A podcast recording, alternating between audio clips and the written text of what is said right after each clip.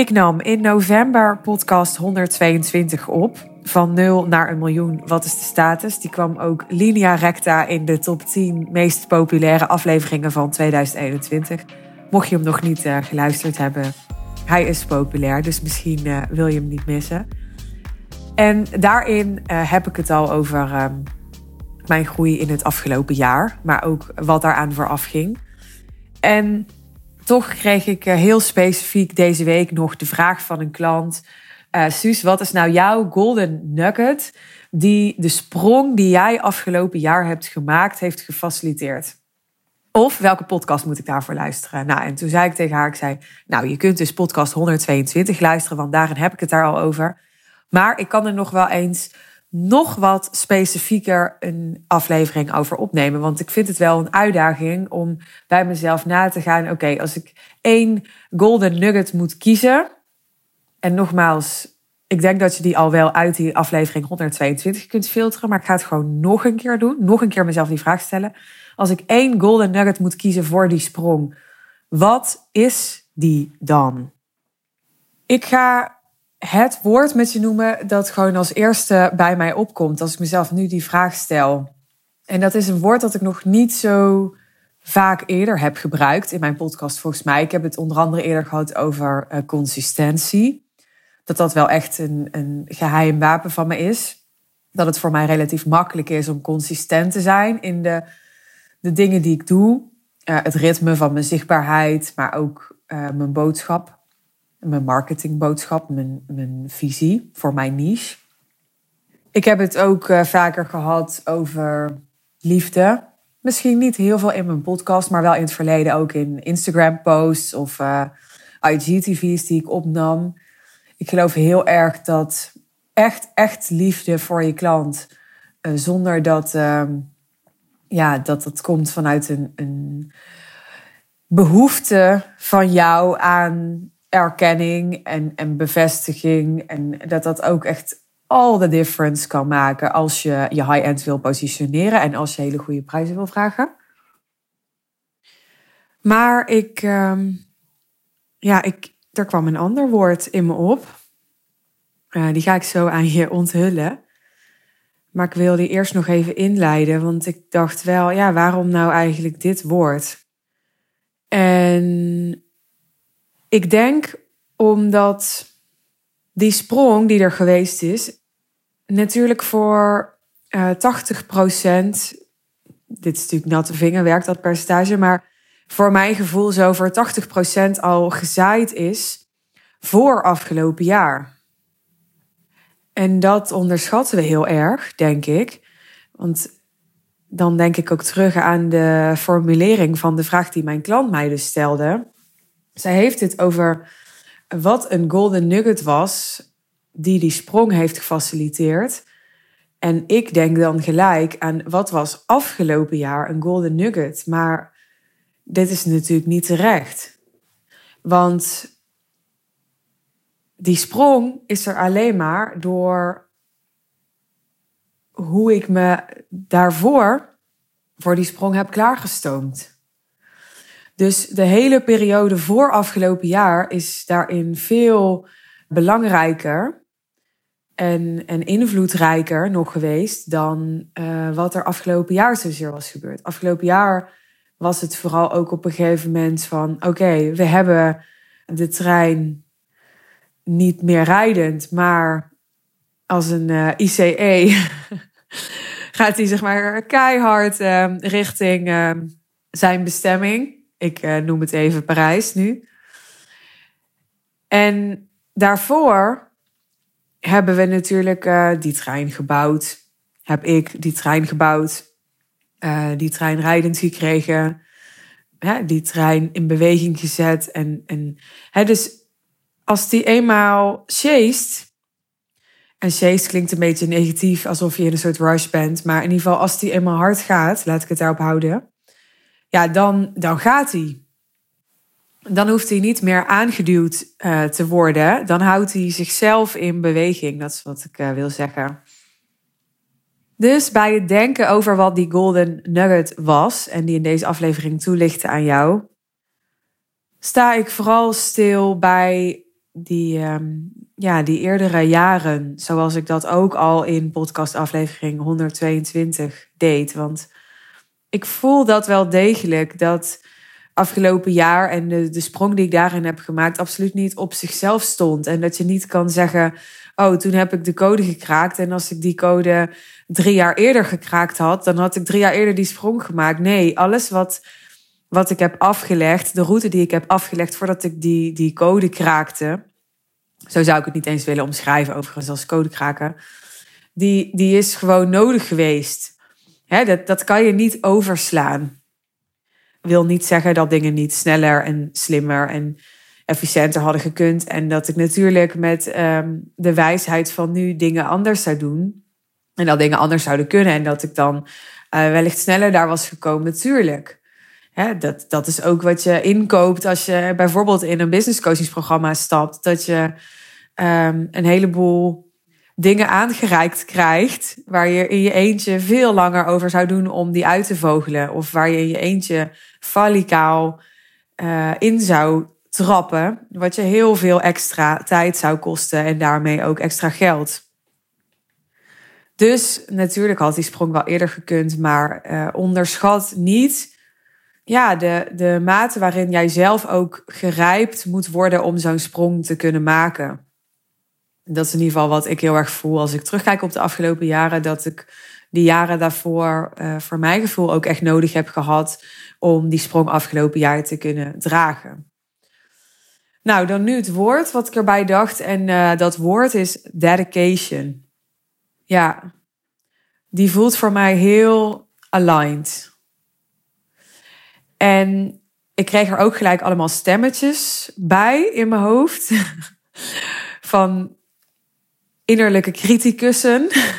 criticussen klinkt zo grappig.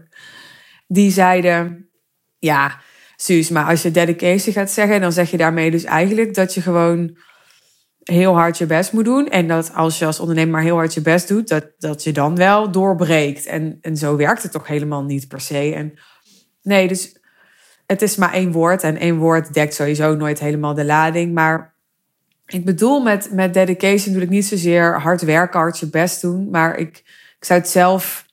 Het is natuurlijk letterlijk vertaald volgens mij toewijding in het Nederlands. Ik zou het in Nederlands liever willen vertalen naar volharding. Uh, naast consistent ben ik, ben ik een, een, um, ja, een behoorlijk volhardend persoon. En uh, terwijl ik dit zeg, denk ik, is volharding dan hetzelfde als uh, dat ik een doorzetter ben en veel doorzettingsvermogen heb. Voor mijn gevoel zit er toch een nuanceverschil tussen die twee. Bij doorzetten denk ik heel erg aan. Ja, ik krijg dan zo'n beeld in mijn hoofd van push-ups doen. En dat je na 15 push-ups gewoon helemaal totaal los bent. En dat je dan toch doorzet, want je moet er 20. Of uh, misschien is, is, is 15 en 20 geen uh, realistisch aantal. Maar je begrijpt wat ik bedoel. Doorzetten, dat, daar, ik heb daar een beetje negatieve associaties bij. Alsof dat heel erg op, op discipline en daadkracht en zo moet. En volharding is voelt voor mij meer als dat ik me ergens ingebeten heb. Ik zeg ook vaak wel tegen mensen: ik ben echt een pitbull. Als ik me ergens in vastbijt, dan laat ik eigenlijk pas los als ik gewoon uh, niet meer wil. Maar niet omdat ik uh, denk, ja, het, het, uh, het, het, is niet meer mogelijk of, of, uh, of um, ik hou het niet meer vol of zo. Dat, dat zit niet heel erg in mijn woordenboek. Dus dat is wat ik voel bij volharding. En dat is ook wat ik voel bij dedication. Dat ik. Ja, ik, ik, had het hier laatst nog met iemand over. Die, uh, die zei: Ja, ik, ik ken heel veel mensen die heel veel geld willen verdienen. Maar heel weinig die echt bereid zijn uh, to do what it takes. Nou, en, en ik kan je vertellen, ik ben echt bereid to do what it takes. En, en ik weet ook inmiddels van mezelf, dat had ik nooit zo door. Maar dat is echt ook een inzicht wat ik afgelopen jaar heb gekregen, dat ik echt veel verder ga. Veel verder dan de meeste mensen. En, en niet alleen mensen, maar ook nog dan heel veel ondernemers. Dat heeft ook echt te maken met kernwaarden. Ik moet nu denken aan dat ik, uh, dat hoor je in uh, podcast aflevering nummer 1, ooit uh, een bedrijf had met een kunstenares samen. En dat is stuk gegaan op kernwaarden al vrij snel. Omdat bijvoorbeeld voor haar een heel belangrijke kernwaarde was plezier. En het is niet zo dat plezier voor mij niet belangrijk is, maar ja, ik kan wel dertig waarden opnoemen die voor mij belangrijk zijn, maar je kernwaarden zijn je kernwaarden. Dat zijn de waarden die, die overblijven als je er echt maar drie mag kiezen.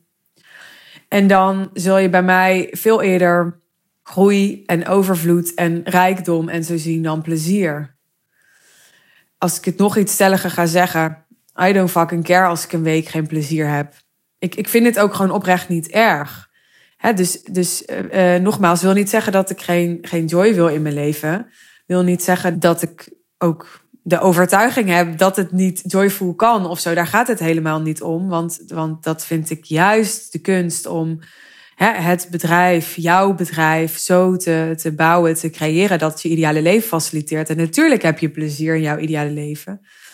Maar ja, voor mij persoonlijk heb ik gemerkt dat de, de kwaliteit van mijn leven niet direct minder wordt als ik even geen plezier heb. Omdat er andere dingen zijn die voor mij dan meer prioriteit hebben of zwaarder wegen. En, en dat is echt een wezenlijk verschil, want dat maakt dat. Um, nou, ik heb het ook ervaren in, in de samenwerkingen met um, mijn teamleden. Die, die, ja, het is een beetje raar om ze teamleden te noemen, omdat, nou, voor de mensen die me niet op de voet hebben gevolgd en nu net invallen, sinds um, mijn uh, dedicated teamlid uh, Iris andere dingen ging doen afgelopen zomer zijn er teamleden gekomen en gegaan. En ik heb me echt verbaasd, zonder dat ik iemand eh, persoonlijk ehm, in een negatief daglicht wil stellen of zo. Maar ik heb me echt erover verbaasd hoe weinig dedication er was bij hen. En toen ben ik ook echt gaan voelen van oké, maar dit is waarom ik op mijn plek zit en zij op hun plek, waarbij het een niet beter is dan het ander. Maar ik heb echt tegen mensen om mij heen gezegd: ik vind het weer spannend om dit hardop te gaan zeggen, maar ik doe het gewoon toch, want ik krijg altijd hele goede reacties als ik echt zo eerlijk ben dat ik denk, oh, dit kan ik niet zeggen. Maar als ik op hun plek had gezeten, dan had ik me er dus in vastgebeten als die pitbull. Ook al hè, waren dingen um, op dat moment misschien niet ideaal voor jou als teamlid, als je daarop gaat. Ik ga daar nu even niet te diep inhoudelijk op in, want dat is uh, voer weer voor een andere aflevering. Maar ik zou me daarin vastbijten. En uh, ik zou zorgen dat ik uh, bij wijze van onmisbaar werd. En dan zou ik gewoon fucking goed onderhandelen.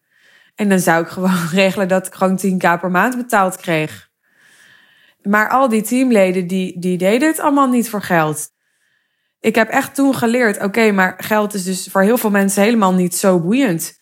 Ze willen allemaal andere dingen. En voor mij is dat niet zo. Ik kan, als ik heel goed betaald krijg, dan kan ik echt met behoorlijk weinig uh, waardering en erkenning en zo. En, uh, en, en dat zeg ik niet als soort van, oh, uh, kijk mij nou stoer doen. Want ik ben daar soms ook best wel onzeker over. Omdat ik me daardoor heel vaak anders voel. En denk, oké, natuurlijk gaat dan ook wel eens door mij heen van, ja, maak ik geld dan te belangrijk en maar ja, ik denk dat heel veel andere mensen andere dingen veel te belangrijk maken. denk ik, is het dan zo, zo nobel om het zo belangrijk te vinden dat je zo gewaardeerd wordt? Ja, vind ik, maak je jezelf heel afhankelijk van, vind ik. Ja, ik voel dat niet zo. Dus um, ik zie ook in, in zakelijke samenwerking, ik zie dat ook uiteindelijk gewoon als transacties. En ja, ik zou dat gewoon strategisch aanpakken als ik zo'n teamlid was. En ik doe dat denk ik, veel zakelijker wellicht dan, ja, dan veel mensen die PA of VA of business manager of, of wat dan ook zijn. En dat was echt ook wel um, onderdeel van waarom ik afgelopen jaar niet alleen een sprong heb gemaakt, maar afgelopen jaar ook heel uitdagend voor me was. Uh, omdat daar veel samenwerkingen op zijn stuk gelopen. Gewoon op dat er daardoor een soort mismatch was, omdat die kernwaarden niet overeenkwamen. En dat heeft heel veel tijd gekost, heel veel energie gekost, heel veel geld gekost. Want als ik strategisch denk en zakelijk denk, en zo denk ik, dan weet ik dat het gewoon veel uh, helpender en veel beter gaat zijn voor mijn business als ik op een gegeven moment echt vaste leveranciers heb, waarmee ik niet meer elke keer opnieuw moet doorspreken wat voor mij belangrijk is, wat ik graag wil, wat de doelstellingen zijn. Um, maar ik heb gemerkt dat het voor mij echt lastig is om mensen te vinden die ja, uh, mee kunnen in. Ja, ik hou het toch bij kernwaarden, in mijn kernwaarden. De, de laatste die um, afhaakte, die begon daar ook letterlijk over naar mij. Die zei: Ja, ik merkte gewoon na een paar weken dat wij gewoon andere kernwaarden hebben. En nogmaals, dat gaat niet over goed of fout, of beter of slechter, maar daar loop je dan tegenaan. En, en mijn ervaring is inmiddels dat dat, dat niet uh, te negeren is. Dat dat heel moeilijk uh, te overkomen is met elkaar. Van die kernwaarden zijn zo fundamenteel. Weet je, als, als iemand bijvoorbeeld als kernwaarde vrijheid heeft. En echt helemaal zijn of haar eigen tijd wil kunnen indelen. Ik geef even een heel praktisch voorbeeld. En ik vind het gewoon belangrijk voor mijn business dat er op maandag tot en met vrijdag van 9 tot 6 bereikbaarheid is dan, uh, dan botst dat. En dan kun je natuurlijk praktische oplossingen zoeken. Hè, dan kun je zorgen dat je niet sowieso van één teamlid afhankelijk bent. Dus dat iemand niet uh, altijd bereikbaar hoeft te zijn. En, maar toch zal iemand gaan voelen dat hij concessies moet doen. Ook als die een soort uh, diensten gaat draaien afwisselen met iemand anders. En dat hij concessies gaat doen op, op zijn of haar kernwaarden. Dingen die echt fundamenteel voor hem of haar zijn. En dat, dat uh, ja, nou ja, goed, mijn ervaring is dus dat het dan stopt. Sooner or later. En in mijn geval was dat vaak sooner, wat dan ook wel weer voordelen had.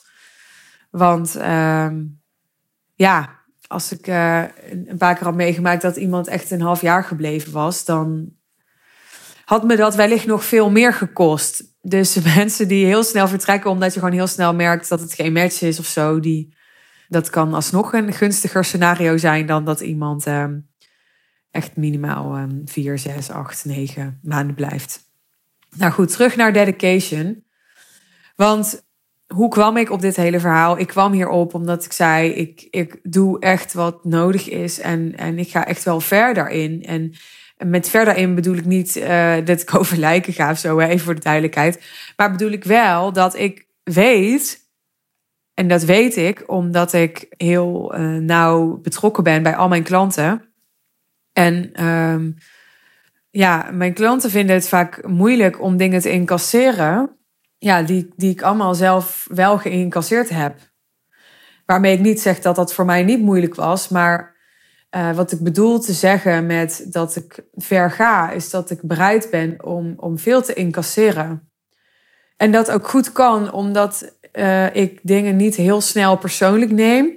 En juist heel erg in mijn rol zit als zijnde leider van het bedrijf.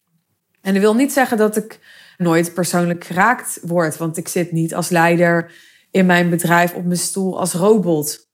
ik zit er gewoon als mens met een vlees, bloed en een, een hart en gevoelens en uh, emoties en triggers, uiteraard. Maar ik ben wel altijd heel erg bezig met wat heeft het bedrijf nu nodig. En daarin uh, word ik nu in deze fase ook best wel gechallenged. Dus ook voor, voor een andere aflevering overigens. Daar kan ik nog veel dieper op ingaan.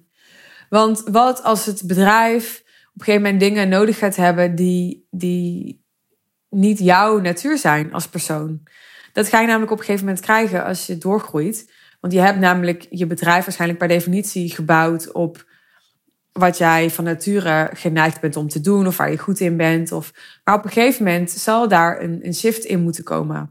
dus eh, stel, jij bent zo'n pitbull, maar de andere kant is dat je het dus ook heel moeilijk vindt om dingen los te laten. Dan gaat er een punt komen in je business dat het feit dat je zo'n pitbull bent echt heel erg tegen je gaat werken. Nou ja, dat is dus waar ik uh, een andere keer nog meer over kan vertellen. Maar nu ik kan dus in de basis heel goed kijken naar, oké, wat heeft het bedrijf nodig? En welke keuzes moet ik maken? Of welke acties moet ik nemen? Of waar moet ik doorheen gaan om een bedrijf verder te helpen? Ongeacht of dat, dat op dit moment uh, heel oncomfortabel is voor mij. Dat is voor mij gewoon ondergeschikt, omdat ik de groei van mijn bedrijf, uh, maar vooral het, het uitleven van, van de potentie die erin zit, is heel belangrijk voor mij. En, en in de eerste jaren was dat vooral mijn eigen potentie, mijn eigen potentieel tot vervulling laten brengen. En nu merk ik dat ik steeds meer ga denken vanuit de potentie van het bedrijf. Want het gaat niet meer om mijn potentie, want mijn potentie is al niet meer genoeg voor het bedrijf. Want zoals het bedrijf nu is, kan het niet. Het kan niet meer alleen met mij.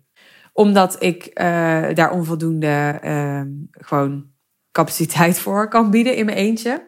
Maar dus ook omdat er dan gewoon echt wel essentiële skillsets of essentiële kennis of, of essentiële dingen die ik gewoon in mijn eentje niet bezit, omdat ik maar one single human being ben, die, die missen. Dus het bedrijf heeft nu meer nodig dan dat ik in mijn eentje kan bieden. Maar om op dit punt te komen, heb ik heel veel gehad aan mijn uh, dedication. Heb ik er heel veel aan gehad dat, dat ik altijd hele scherpe prioriteiten heb gesteld. Uh, natuurlijk niet elke dag en elk moment, absoluut niet.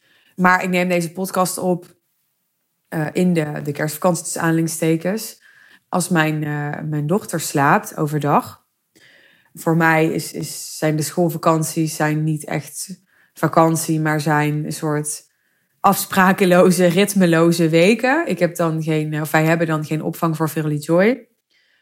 Dus wij verdelen dan de tijd met haarzelf in principe. En uh, ik ben vandaag met haar, maar ze, ze slaapt nu even. En dan, dan denk ik echt heel bewust na over: oké, ik heb nu uh, twee uur tijd of anderhalf uur tijd, altijd een beetje de vraag. Wat moet nu prioriteit hebben? Is het handig dat ik nu even de hond uitlaat? Is het handig dat ik nu een was draai? Uh, hè, bijvoorbeeld de wasbare luiers, omdat hij morgen weer mee moet naar haar vader. Uh, is het handig dat ik nu het, ik zeg maar wat, het aanrechtblad even leegruim omdat de schoonmaakster zo komt? Is het handig dat ik even iemand bel? Die ik deze week moet bellen en waarvan ik eigenlijk niet wil dat dat nog twee dagen duurt. Is het handig dat ik even ga liggen? Gewoon en rust neem? Is het handig dat ik even uh, toch de woonkamer opruim. Omdat ik dan niet de hele tijd die chaos en prikkels van die zooi om me heen. Want dat heb je als je Peter en jij hebt. Uh, heb. Ja, nou zo kan ik nog honderd afwegingen maken. En die maak ik natuurlijk niet allemaal. Want dan ben ik alleen al twee jaar bezig met afwegen. Maar ik, ik ben daar heel bewust mee bezig.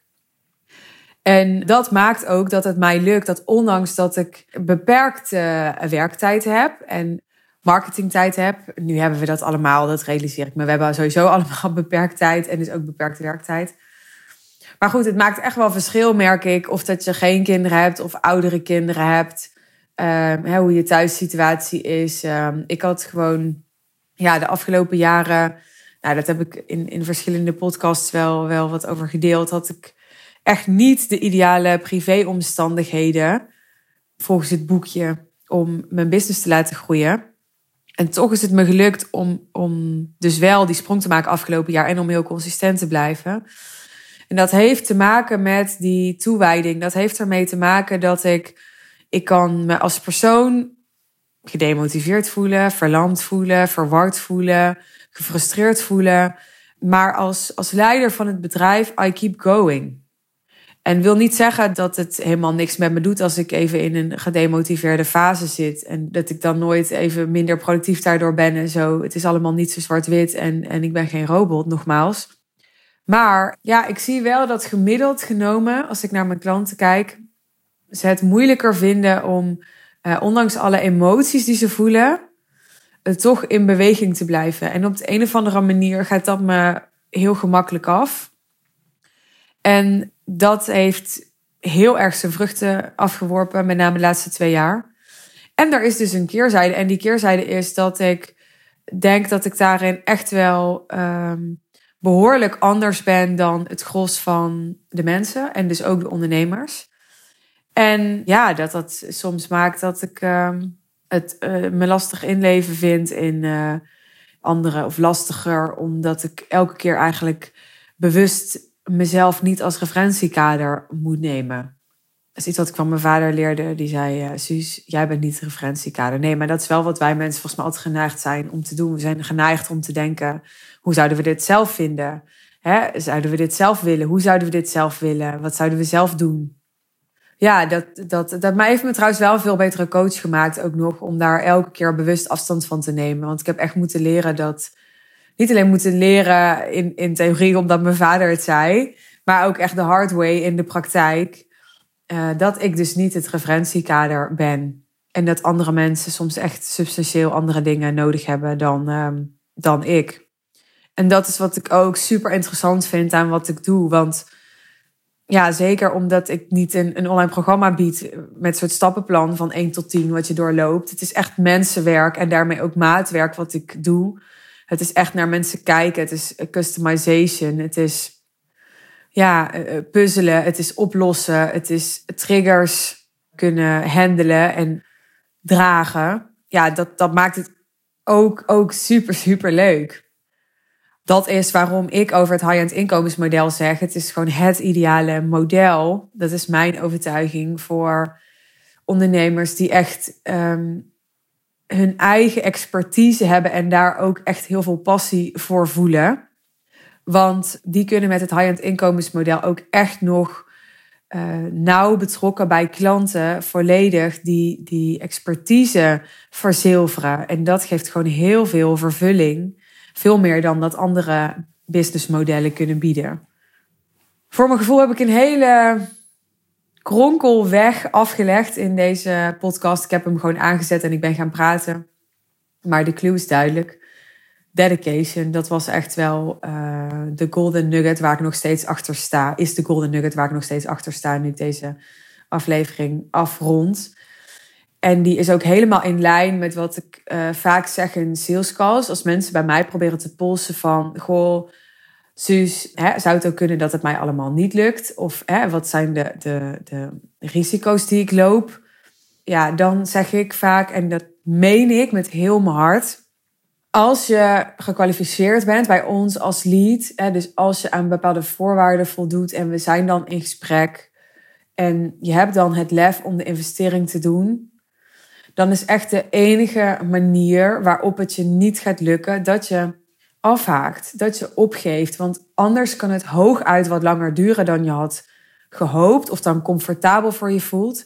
Maar zolang jij je blijft openstellen voor onze hulp, maar zolang jij vooral ook zelf resourceful blijft, uh, zolang jij zelf in staat bent om met onze begeleiding, maar wel zelf in staat bent om in beweging te blijven, om niet te verlammen, om dus inderdaad volhardend te zijn, dedicated te zijn, om jezelf te overwinnen, om al zijn er maar hele kleine mini-stapjes, maakt niet uit. Maar mini-stapjes zijn ook stapjes en daar kom je er ook mee. Behalve als je afhaakt, behalve als je opgeeft. Die dedication, die, die, dat is niet zo dat, dat het nou toevallig bij mij een golden nugget is geworden. Die dedication, dat is echt een universele golden nugget. Ook voor al mijn klanten, dat zie ik elke keer ik heb klanten gehad waarbij het echt de eerste drie, vier maanden soms best wel lastig was. En die daarna gewoon helemaal ehm, ja, eh, door het dak gebroken zijn. Die hebben in die eerste maanden echt wel dedication nodig gehad. Er zijn echt veel klanten die in die eerste maanden wel denken: jeetje, zit ik wel op de goede plek? Heb ik wel de juiste keuze gemaakt? Gaat dit wel werken? Kan ik dit wel? Die verward zijn, zich onzeker voelen. Ook echt hele ervaren, gevestigde, gevorderde ondernemers. Dat, dat staat daar helemaal los van. Weet je, dit zijn ook mensen en die, die kunnen zich ook heel klein voelen als ze weer opnieuw worden uitgedaagd. Ik ben benieuwd wat jij uit uh, specifiek deze kronkelaflevering hebt gehaald. Want het ging redelijk alle kanten op. Maar het voelt voor mij wel als een. Ik vind het echt een pure aflevering geworden. En juist daarom vind ik het ook tof om jouw reactie erop te horen. Want er is vast specifiek één zin geweest of, of één thema geweest dat ik heb aangeboord. Of één situatie waar ik over vertelde, wat heel erg bij je resoneerde. En, en nou, ik hoop dat het je een belangrijk inzicht heeft gegeven en daarmee een belangrijk puzzelstuk in jouw puzzel. Dus als je daarover met me in contact wil, dan stuur me gerust een DM, vind ik leuk. Verder, ik heb begrepen dat je inmiddels ook uh, podcasts kunt raten op Spotify. Dus je voelt hem al aankomen. Ik zou het enorm waarderen als je mijn podcast daar vijf sterren wil geven. Als je een uh, dedicated podcast fan bent. Uh, mag natuurlijk ook op iTunes als je daar luistert en me nog niet gerate hebt. Dankjewel, waardeer ik enorm. Uh, en dan heb ik nog de volgende opties voor je. Op 16 maart 2022 is de High Level Sales One Day Intensive. Wil je mij gewoon één dag een keer in real life meemaken en een super toffe ervaring, maar ook nog eens helemaal ondergedompeld worden in um, de wereld van uh, hooggeprijsde programma's verkopen? Zorg dan dat je erbij bent. Uh, we hebben het early bird aanbod wat langer in de lucht gehouden, omdat het niet helemaal de tijd was om de deadline te stellen, vond ik. Want ja, we zitten in een lockdown. is niet het ideale moment om een uh, fysiek live event te promoten. Dus ik heb het maar even zo gelaten. Maar dat betekent dat het dus nog steeds mogelijk is, ook nu in januari, om te profiteren van het early bird aanbod. Dus doe dat als je erbij wil zijn op 16 maart. En wil je persoonlijk met mij werken en door mij begeleid worden dit jaar. En ook besmet worden met mijn dedication. Want zo werkt het. Als je onder mijn vleugels komt, dan, ehm, dan ga je daarmee besmet worden. Boek dan je call. Dat kan via de link in de omschrijving bij deze aflevering. Er staat een linkje naar mijn business traject The Real Deal. Daarin kan ik jou alles geven wat je nodig hebt om dit jaar zo simpel mogelijk je hoogste ambities waar te maken. Ik kijk er naar uit om je daarover te spreken. En ik wens je een prachtige dag. Tot de volgende keer.